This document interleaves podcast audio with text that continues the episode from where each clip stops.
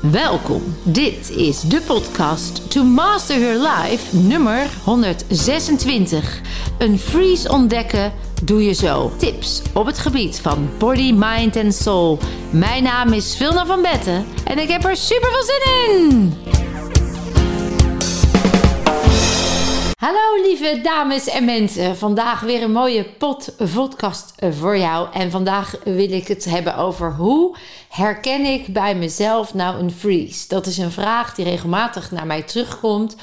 Van nou, ik, ik heb pijn, ik heb een klacht, ik voel me niet lekker, het stroomt niet. Hoe weet ik nou welk propje in welk rietje zit? En ik wil eigenlijk vandaag met jou uh, even daar zo'n 10, 15 minuten iets over vertellen. En daarna een oefening met jou doen om ook daadwerkelijk op onderzoek te gaan naar dat propje bij jezelf, zodat je dat ook kunt gaan leren en gaat herkennen wanneer nou iets een propje is. En daarvoor uh, wil ik eerst iets voorlezen uit mijn boek Heel. Misschien heb je hem al gelezen, misschien heb je hem in huis.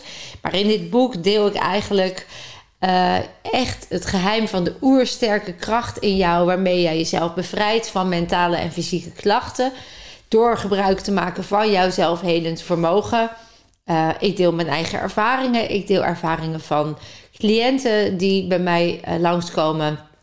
Ik geef daarin theorie hoe het werkt. heel onderbouwd, wetenschappelijk ook. Maar er zitten ook heel veel mooie praktische oefeningen in, waardoor je al meteen aan de slag kan met jezelf. En ehm, je moet eigenlijk van uitgaan dat jij bent een lichaam. En dat lichaam, dat is een manifestatie van alles wat je meemaakt. Je gedachten, je, je emoties, je ervaringen, alles slaat zich op in dat lichaam. En dat komt omdat jouw lichaam bestaat uit cellen. En die cellen die hebben een geheugen. En dat is eigenlijk heel slim. Want als die cellen iedere keer alles opnieuw zouden moeten uitvinden, dan moet jij jezelf eigenlijk steeds opnieuw uitvinden. Moet je weer leren lopen, leren eten, leren praten. Terwijl als je lichaamcellen dat onthouden, dan weet je op een gegeven moment, oh hé, hey, nu moet ik lopen, nu moet ik zitten, nu moet ik praten, nu moet ik enzovoort. Dus heel fijn dat jouw lichaam een soort automatisme heeft ontwikkeld, een geheugen, waarin jij weet wat je moet doen in welke situaties. En daar komt ook bij die freeze, hè, dus dat propje in het rietje, heeft dat een hele belangrijke functie. En alles wat in het lichaam opgeslagen ligt, dat manifesteert zich naar buiten door lichaamshouding. Mensen die heel erg krom lopen, die hebben vaak last dat ze de wereld bij zich dragen. Die gaan gebukt onder het leven. Uh, die hebben vaak dus ook depressievere gevoelens of zwaarmoedige gevoelens. En als het een opgewekt, zelfredzaam iemand is, dan staan vaak die schouders naar achter, de borst open, het hart open, letterlijk alles open. Van kom maar op wereld, ik vertrouw erop dat het goed komt eigenlijk ja, kun je eigenlijk aan het lichaam veel vaker iets zien. Uh, en vertelt dat veel meer over jou dan wat de mensen denken over zichzelf. En dat komt weer omdat dat denkende brein pas als laatste in de evolutie erbij is gekomen. Dus ook het minst snel is en het minst vast ligt. Dus eigenlijk alles wat ik heel lang al heb herhaald en vaak heb getraind, ja, dat ligt al echt vast in die onderste twee lagen. Maar ook mijn primaire reacties, zoals fight, flight, freeze, dat ligt echt in die onderste laag van het brein. En dat zal altijd sneller reageren dan die neocortex, dat denkende brein.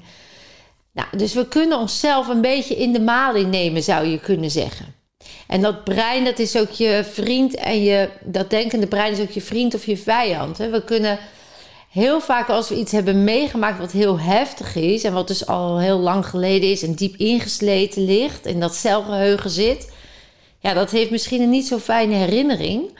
En daarom hebben we een soort bescherming opgebouwd. En die bescherming, die is ervoor om niet meer naar die pijn te hoeven. Dat is ook een heel mooi beschermingsmechanisme van jouw systeem. Maar als jij dus niet bewust bent dat je jezelf hebt moeten beschermen. Omdat je heel jong was toen dat gebeurd was. En daardoor een manier hebt gevonden om mee om te gaan. En je daar nu mee hebt geïdentificeerd. Ja, 10, 20 jaar later weet jij niet meer of dat is om jezelf te beschermen. Of dat dat gewoon je persoonlijkheid is, je identiteit. En dan als je er dan over praat en over nadenkt. Dan lijkt dat de waarheid te zijn.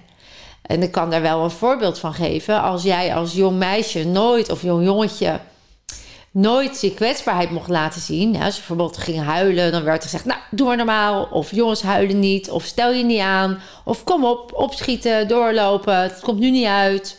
Mama en papa zijn druk. Dan uh, heb je misschien een andere manier gevonden om aandacht te krijgen of om uh, jezelf te profileren. En uh, ja, heb je jezelf eigenlijk aangeleerd: pijn mag er niet zijn. Nou, heb je dat bewust gedaan? Wel nee. Heb je dat gedaan omdat je er zin in had? Wel nee. Maar jij wilde wel één ding en dat was erkenning en aandacht van de mensen om je heen. En dan heb je dus een manier gevonden om dat wel te vinden. Je hebt misschien jezelf gaan overcompenseren. Dus door heel grappig te gaan doen als je in een situatie bent waar het kwetsbaar is. Of juist heel stil te worden en maar niks meer te zeggen. Dus passief. Of uh, je op anderen te richten, omdat jij dan niet meer uh, ertoe doet. En dat dan wel werd goedgekeurd. En dan kan het dus zijn dat je helemaal niet in de gaten hebt dat dat kwetsbaarheid is wat je onderdrukt. En daar een beschermingsprogramma overheen. Dat je denkt, ik ben nou eenmaal zo, ik ben een redder. Of ik ben altijd een komiek. Of ik doe altijd grappig. Nou, en dan uh, heb je dus dat beschermingsmechanisme. En als je daarover nadenkt en je bent nog niet bewust van de onderliggende behoefte of oorzaak ja, dan, dan zeg je dat dus ook zo. En dan denk je ook zo. En dan zit je brein je dus eigenlijk in de weg om die onderliggende behoeften en die onderdrukte emoties op te lossen. Ja, dat noemen we dan een freeze. Hè? Dat ligt dan eigenlijk vast onder een propje in een rietje. een andere manier, zoals een propje vast kan liggen, is uh, dat je iets heel heftigs meemaakt en er gewoon nooit meer naartoe bent gegaan. Dat je het gewoon nooit meer hebt kunnen verwerken. Dat het letterlijk kortsluiting is geworden in je systeem. En dat zie je vaak bij gebeurtenissen die heel erg uh, snel heftig zijn. Uh, neem bijvoorbeeld de aanslag uh, op, het, op Koninginnedag hè, en op de Naald in Apeldoorn... waar ineens een auto door het publiek heen kwam rijden... en daar dus de mensen om, ja, gewoon omvielen, wegvlogen, gewond raakten dat het gewoon zo onwerkelijk was, zowel voor de omstanders als de slachtoffers, dat dat ja, een soort kortsluiting geeft in je brein bij de amygdala en dan niet meer samen kan werken met die hippocampus en met, die, uh, uh, met dat neocortex gedeelte, die eigenlijk bedoeld is om het weer te verwerken. Uh, omdat het op slot schiet. Ja. En als je dat dus nooit meer verwerkt, ja, dan ervaar je nog steeds nachtmerries, word je zwetend wakker enzovoort. En dan kan het zijn dat jij je fysieke of mentale klachten dus ook steeds herbeleeft. Hè? Dat dat blijft manifesteren, omdat dat de oorzaak nog niet is opgelost. Dus een freeze kan op allerlei manieren kan er iets vastzitten in je lichaam. En dat kan zich uiten door fysieke vastheid, letterlijk, hè, verkramping, uh, een plek waar het heel erg zeer doet. Maar het kan dus ook zich manifesteren door mentale blokkades. En wat bij jou blokkeert, heeft weer te maken met de emotie die je hebt gehad op dat moment en de situatie waar je in zat. Nou, dat, daar gaan we het vandaag niet over hebben. Ik wil vandaag vooral over hebben hoe herken je dan zo'n freeze? Uh, en want stel dat dat inderdaad, kijk, zo'n trauma, dat is vaak best aantoonbaar. Hè? Dan weet je van ja, ik was daar bij de naald en dat was heftig. Dus daar kan ik me voorstellen dat er een blokkade is ontstaan. Maar er zijn natuurlijk ook situaties in je jeugd die gewoon ingesleten zijn, waardoor je dat beschermingsprogramma hebt opgebouwd, waardoor het dus ingeslopen is, zou je kunnen zeggen. Ja, waardoor jij dan op een gegeven moment niet meer weet waar dan die oorzaak ligt en of dat überhaupt wel de oorzaak is. En met de Body and Mind Reset methode werken we dus eigenlijk ook altijd met het lichaam omdat al die cellen, die hebben een trilling. In die midden van die cel is gewoon een leegte. Dat heet een trilling. En dat heet het nulpunt van de cel. En die trilling die vibreert op een frequentie. En de frequentie waarop die hoort te zitten, is waar jij je in balans, gezond en in een flow voelt. En als dat verstoord is, dan wordt die trilling lager, dan wordt de vorm vaster, dan loopt het dus letterlijk vast en ervaar jij klachten.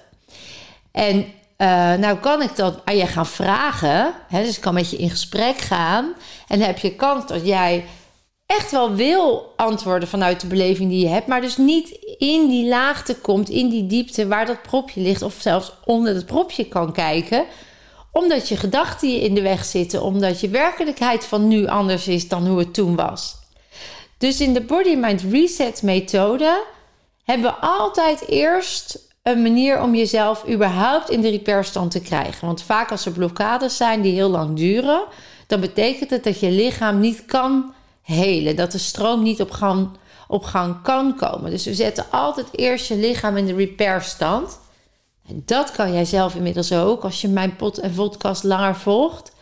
Want de dagelijkse oefeningen die zorgen daarvoor. Die zorgen dat de hersenen communiceren samen, dat de energiebanen lateraliseren, dus weer kunnen communiceren en kunnen stromen. Die zorgen dat specifieke energiepunten weer worden aangeraakt en in beweging worden gezet.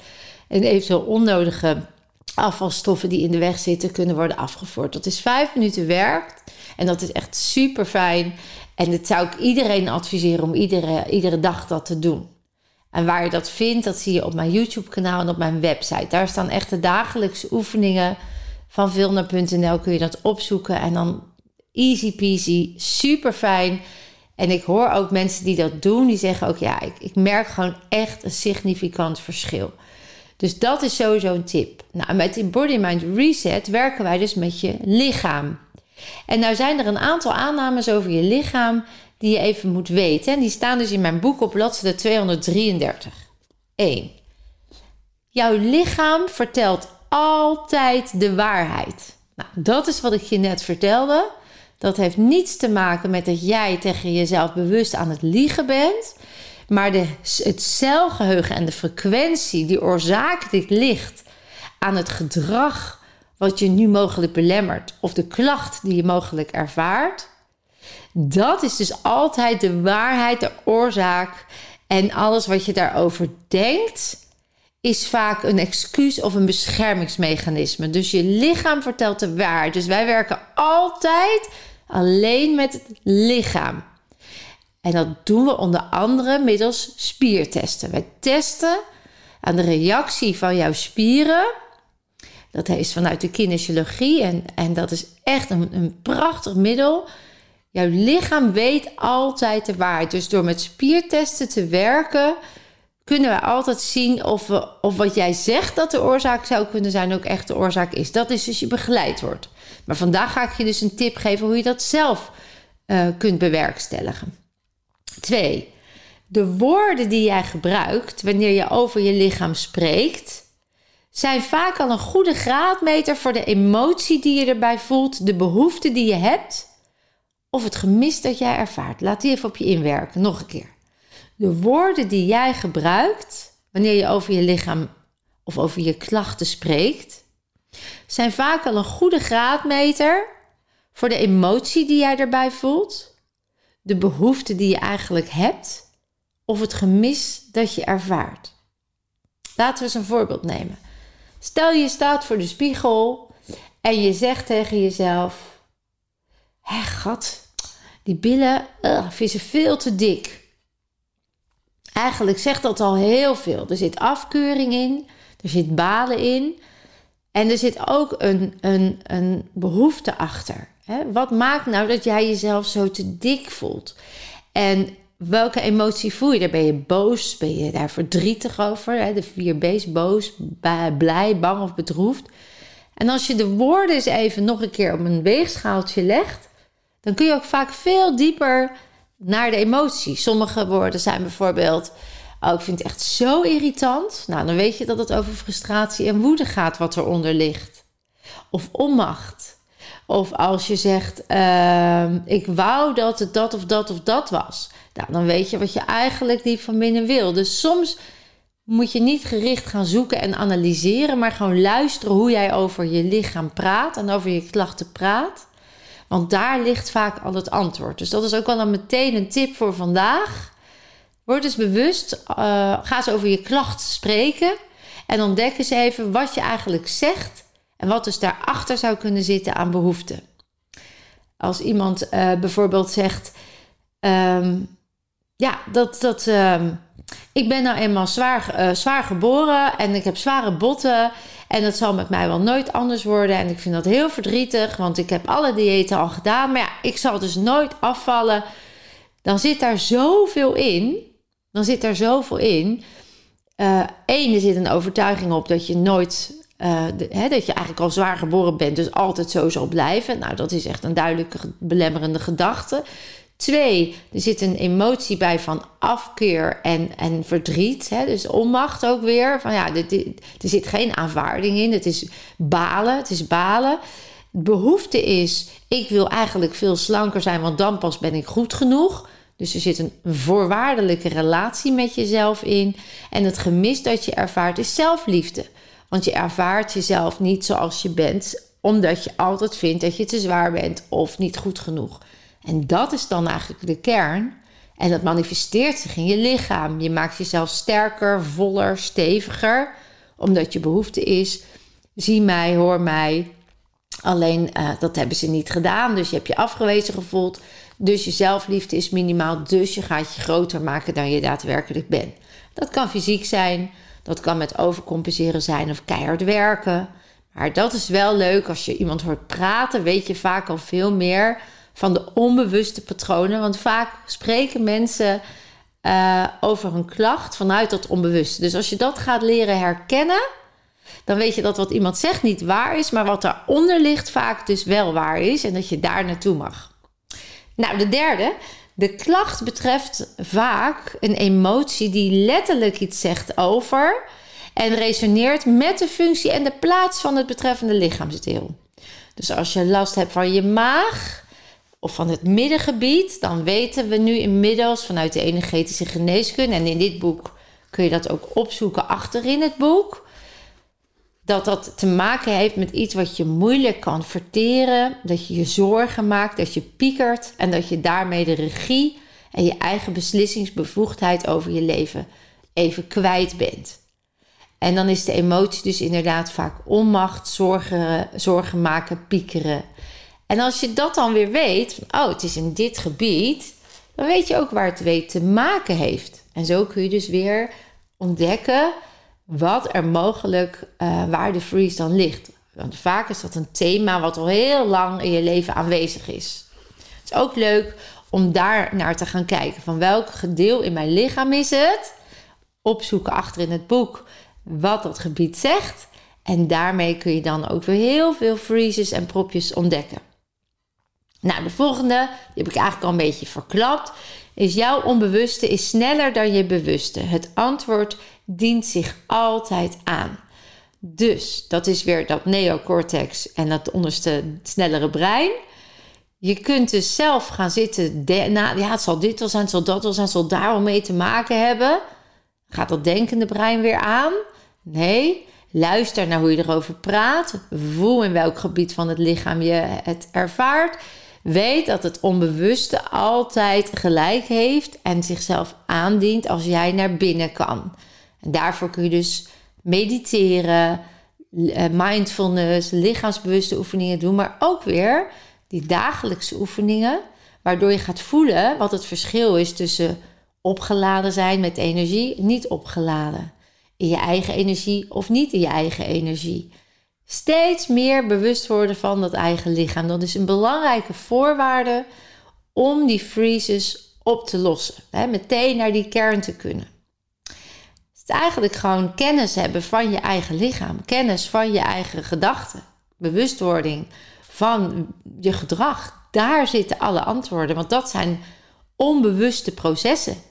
Ik ben 95% van de dag ja, ben ik met mijn onbewuste, word ik gestuurd door mijn onbewuste. Alles wat ik ooit geleerd heb, dat voer ik uit. En die, ja, die, die, is eigenlijk zelfs 97% van de dag. Dus die, die 3% bewust, ja, dat, dat, gaat, dat gaat mij, dat is eigenlijk wat ik veel meer moet doen. Hè? Ik mag veel meer bewust zijn van, ja, wat, wat, wat zeg ik nou eigenlijk tegen mezelf? En wat denk ik hier nou eigenlijk over? En waar voel ik dat nou eigenlijk in mijn lichaam?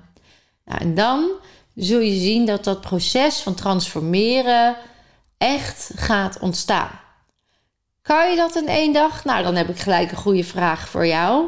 Kon je in één dag fietsen? Kon je in één dag schrijven? Kon je in één dag lopen? Nou, misschien jij wel, maar heel veel mensen nog niet. En dat is heel erg oké. Dat is heel erg oké. Mensen mogen leren. Sta jezelf toe om te leren. Sta jezelf toe, geduldig. Ja, ja. Ik zeg dat omdat dat voor mij persoonlijk een hele grote uitdaging is geweest. En soms nog. Dat ik zo graag wil dat het morgen anders is of weg is. Of uh, dat ik eigenlijk in een kramp schiet. En dat nog niet herken. En dan denk ik, ja, maar ik doe toch al alles. Ik doe mijn dagelijkse oefeningen.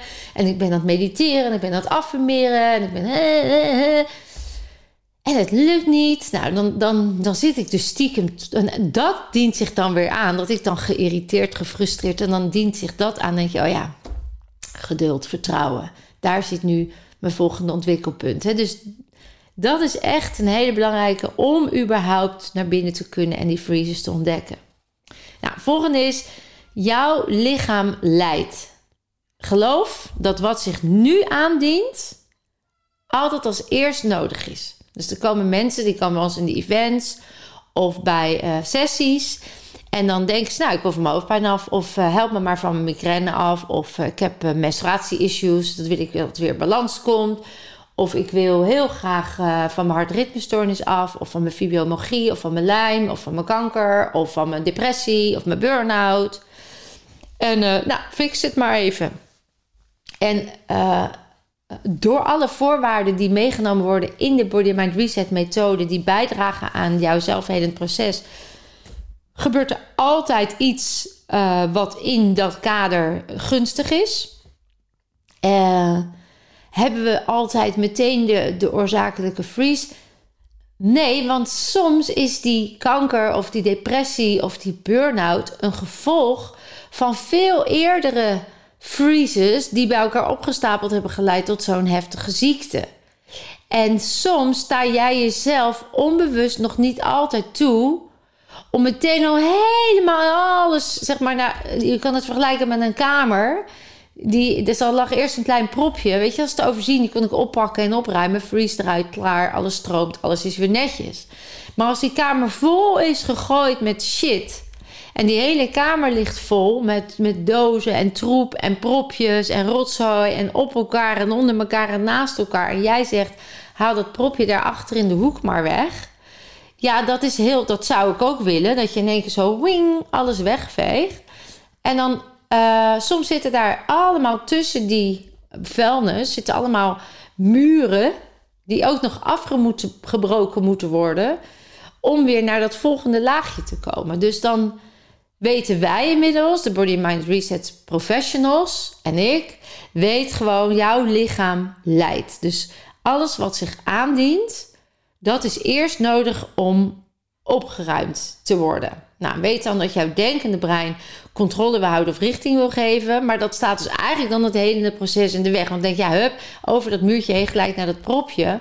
Maar dat lichaam kan daar niet heen als niet eerst de rest is opgeruimd. En daartussen kunnen dus nog muren zitten, beschermingsprogramma's, die eerst ook echt nog even mogen worden opgeruimd. Dus laten we het zo zien: jij bent uniek. Jij hebt programma's. Jij hebt onbewuste conditioneringen. Jij hebt onderdrukte emoties. En wat zich aandient is nu het eerste wat het lichaam nodig heeft om überhaupt weer in stroming te komen. En wij vertrouwen erop dat dat wat zich aandient nodig is. Wij vertrouwen er ook op dat jij precies die stap zet die voor jou nu nog uh, het, het beste voelt. Sommige mensen duiken meteen in het diepe en komen een week. Ja, die zullen dus laag voor laag makkelijker opruimen. Of meteen al omdat ze zo openstaan, die eerst dat propje in het hoekje te pakken krijgen. Waardoor alles gelijk in één keer weg is. Maar er zijn ook mensen die beschermen zichzelf nog. Begrijpelijk, hè? Niet, uh, geen veroordeling, dat is helemaal goed. Uh, en die zullen dan bijvoorbeeld eerst een sessie boeken, of eerst het boek, of eerst kleine oefeningetjes doen, of eerst met zichzelf eens gaan experimenteren, of nog excuses bedenken om zichzelf nog niet helemaal te gunnen, om er helemaal in te gaan. Allemaal goed. Elke stap die jij zet is voor jou op dit moment wat nodig is en wat al iets in beweging zet. Dus vertrouw daar maar op. Jouw lichaam leidt. Daar komt dus ook de volgende. Jouw lichaam lost in precies het juiste tempo zaken op. Al naar gelang wat het aan kan. Soms is dat binnen een uur, soms een dag, een week of soms wat langer. Zolang jij blijft vertrouwen, volgen en geloven, kan het lichaam zijn werk doen. De volgende is: jouw lichaam wil altijd met je samenwerken en is oordeelvrij.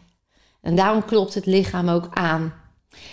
Een freeze ontstaat waardoor de trilling in de cel vaster wordt, lager wordt. In eerste instantie zullen al je andere cellen in je lichaam gaan compenseren om die cel, uh, om dat systeem te laten blijven functioneren. Homeostase, die wil weer balans. Maar goed, je kunt je voorstellen, net als in een tandwielsysteem, dat als er een propje in een rietje zit, dat op een gegeven moment ook die andere systemen en al die andere cellen eromheen niet meer zo makkelijk hun werk kunnen doen, omdat dat ene propje nou eenmaal daar vastloopt. En dan zie je dus dat uh, het lichaam vaster gaat zitten. Dus wat begon met uh, pijn in je rechterschouder, kan op een gegeven moment heel je rechterrug worden, of je onderrug, of zelfs ook je rechterbeen of je heup. En dat is niet omdat uh, anatomisch zou je zeggen, ja, dat komt omdat het gewoon vast zit en je gaat compenseren met andere spieren. Energetisch is het daadwerkelijk zo dat die stroming geblokkeerd wordt en daardoor de rest van de stroming ook geblokkeerd wordt. En je dus overal waar de stroming vaster zit, dat gaat voelen. Nou, je lichaam, je kan het eigenlijk zien als een manier van je lichaam om dat aan jou aan te geven. Van oké, ik klop even wat harder aan want die persoon heeft nog niet gemerkt dat die schouder die vastzit uh, lastig is. Of dat dat al niet meer stroomt. Die is niet lichaamsbewust, heeft het niet in de gaten of heeft er geen last van. Loopt ermee door. Het komt nu niet uit. Ik negeer het wel. Morgen weer een dag. Ik kijk, wel gaat vanzelf wel over. En als dat dan niet gebeurt, ja, dan gaat dat lichaam op een gegeven moment echt signalen geven. En met jou samenwerken. Dat doet hij niet veroordelend. Nou, je bent stom en je luistert niet naar me. Nee, dat doet hij door dus echt duidelijk aan te kloppen en pijnsignalen te geven, zodat jij uh, hopelijk in een bewustzijn komt waarin je even uh, het gaat oplossen. Nou, en dan de laatste, die had ik je al verteld. De stand van jouw lichaam, je ademhaling, de kleur van je huid, je oogopslag. Geeft allemaal aan waar jij spanning ervaart en wat onder druk staat. Nou, dat had ik natuurlijk al toegelicht. Dus als wij werken met het lichaam en als jij gaat werken met jouw lichaam, Neem deze punten mee in het bewustzijn.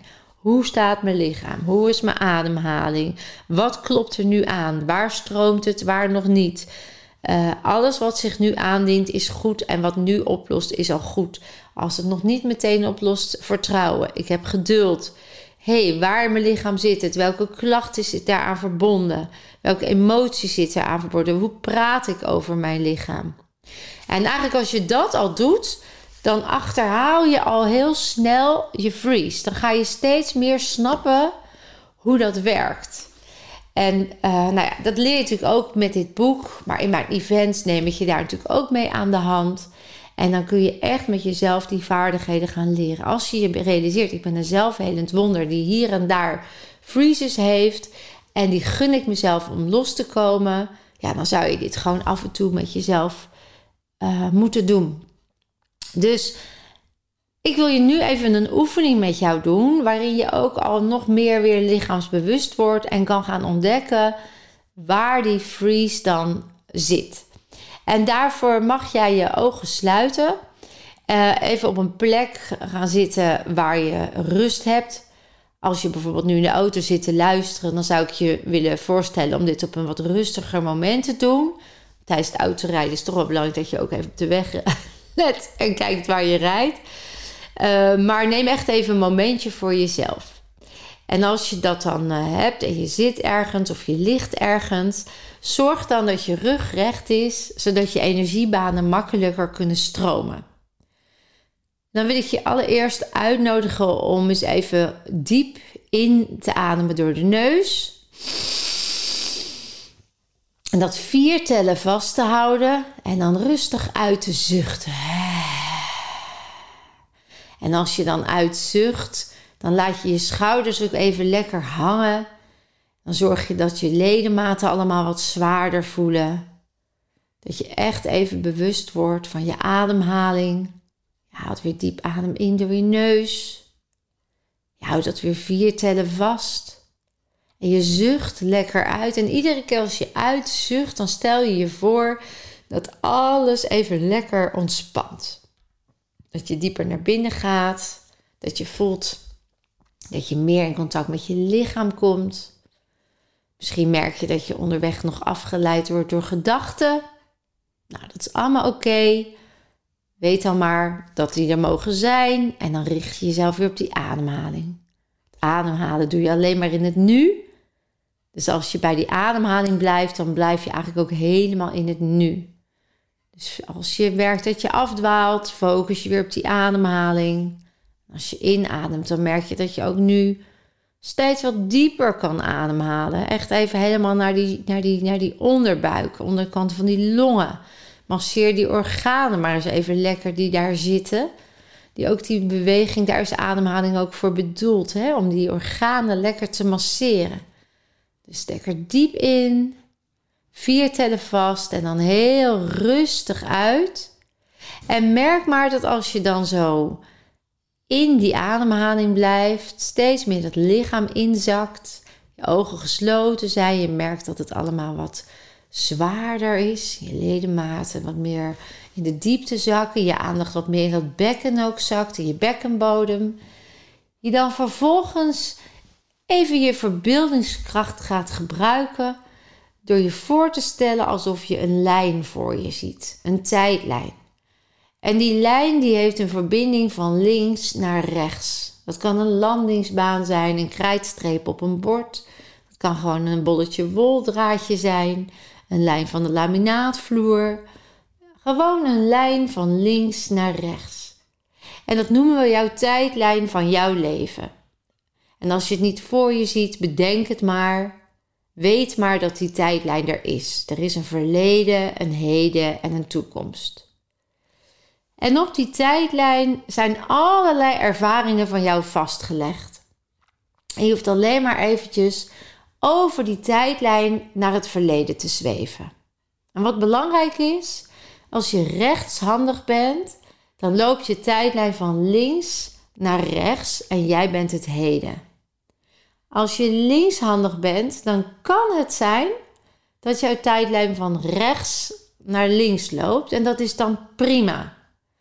Hoeft niet, dat kan. Dus als jij denkt, hé, hey, mijn tijdlijn loopt andersom, check even, ben je linkshandig? Dan laat je hem zo. Ben je niet linkshandig? Visualiseer dat je hem dan omdraait. Dus van links naar rechts. Zorg dan dat hij van het verleden naar het heden loopt.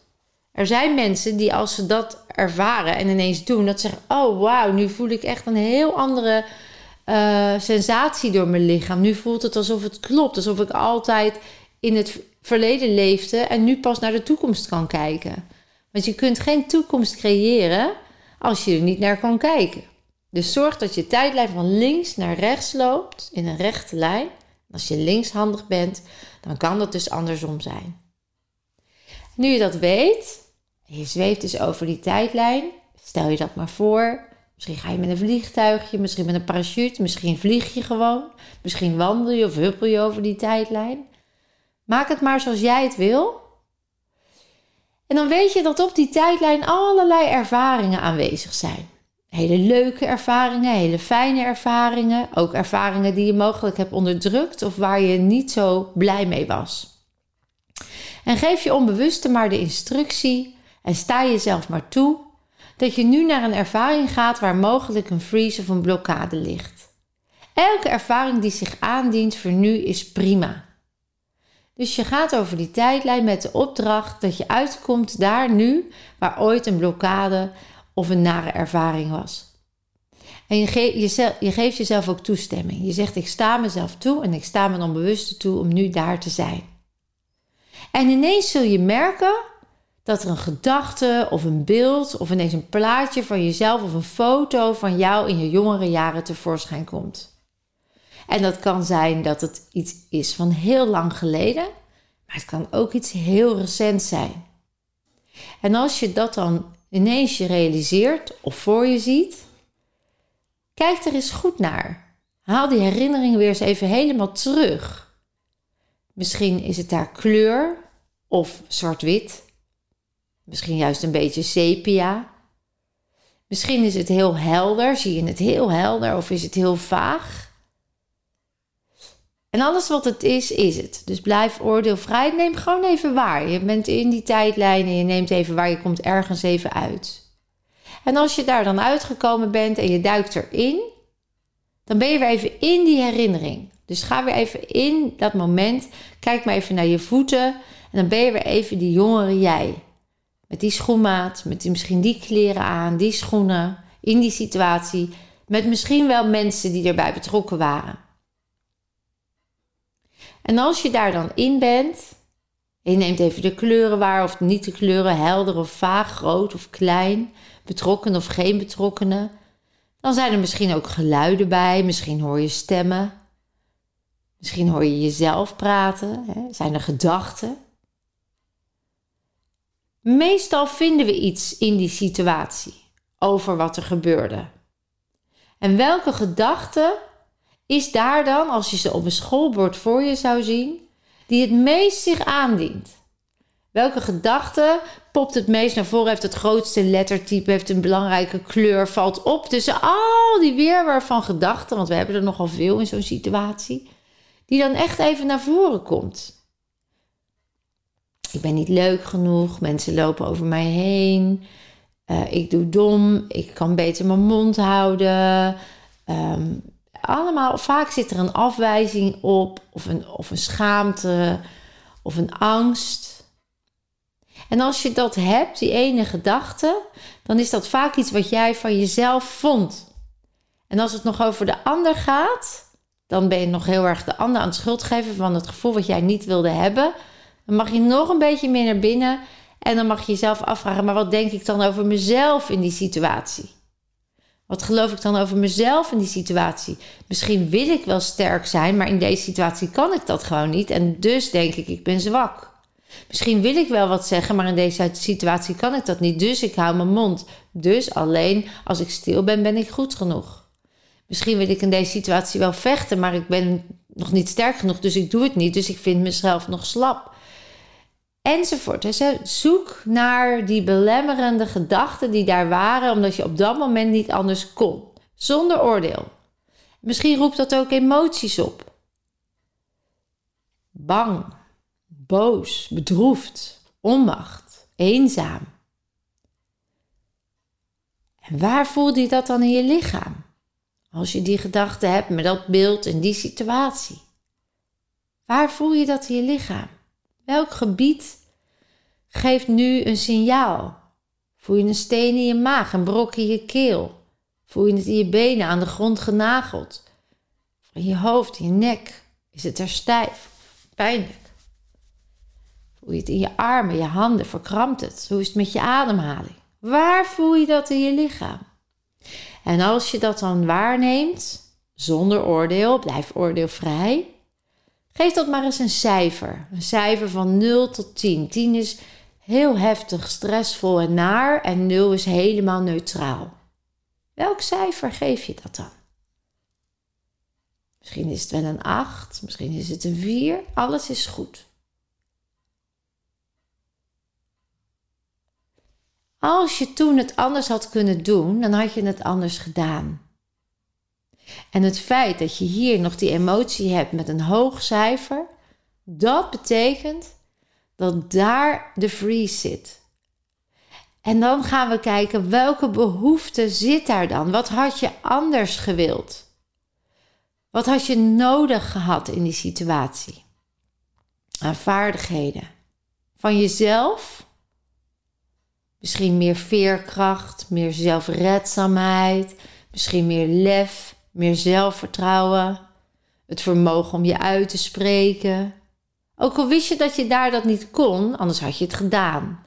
Maar nu, terugkijkend, met het bewustzijn wat je nu hebt, wat was daar nou je behoefte? Voor jezelf? Wat had je willen kunnen? En wat was de behoefte van die ander? Misschien wilde je gezien, gehoord worden, serieus genomen worden. En als je die behoefte hebt, heeft het te maken met Dat je inderdaad serieus genomen wilde worden, wilde je gezien worden, wilde je gehoord worden, wilde je erkend worden, wilde je begrepen worden. Dan mag je dat erkennen bij jezelf. Dan weet je, oké, dat is dus bij mij steeds waarom ik getriggerd word in situaties in het nu, omdat deze behoefte toen niet vervuld was en ik mezelf beschermd heb. Ik dat propje in dat rietje heb, heb, ja, is daar gewoon ontstaan. Heb je niet bewust gedaan, dat is daar ontstaan. Dus dat thema is waar de freeze aan ligt.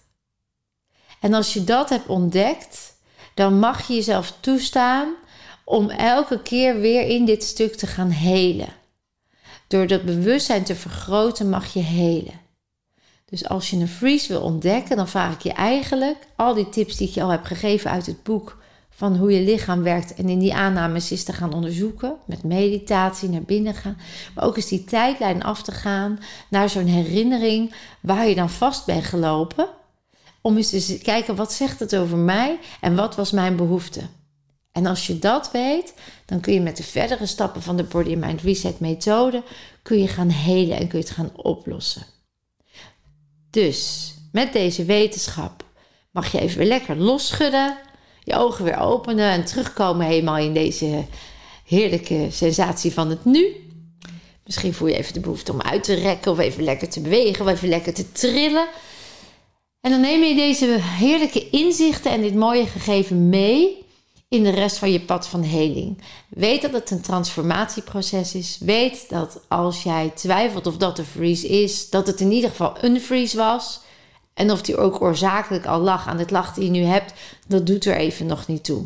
Ga eerst maar spelen met het ontdekken van je freezes op deze manier.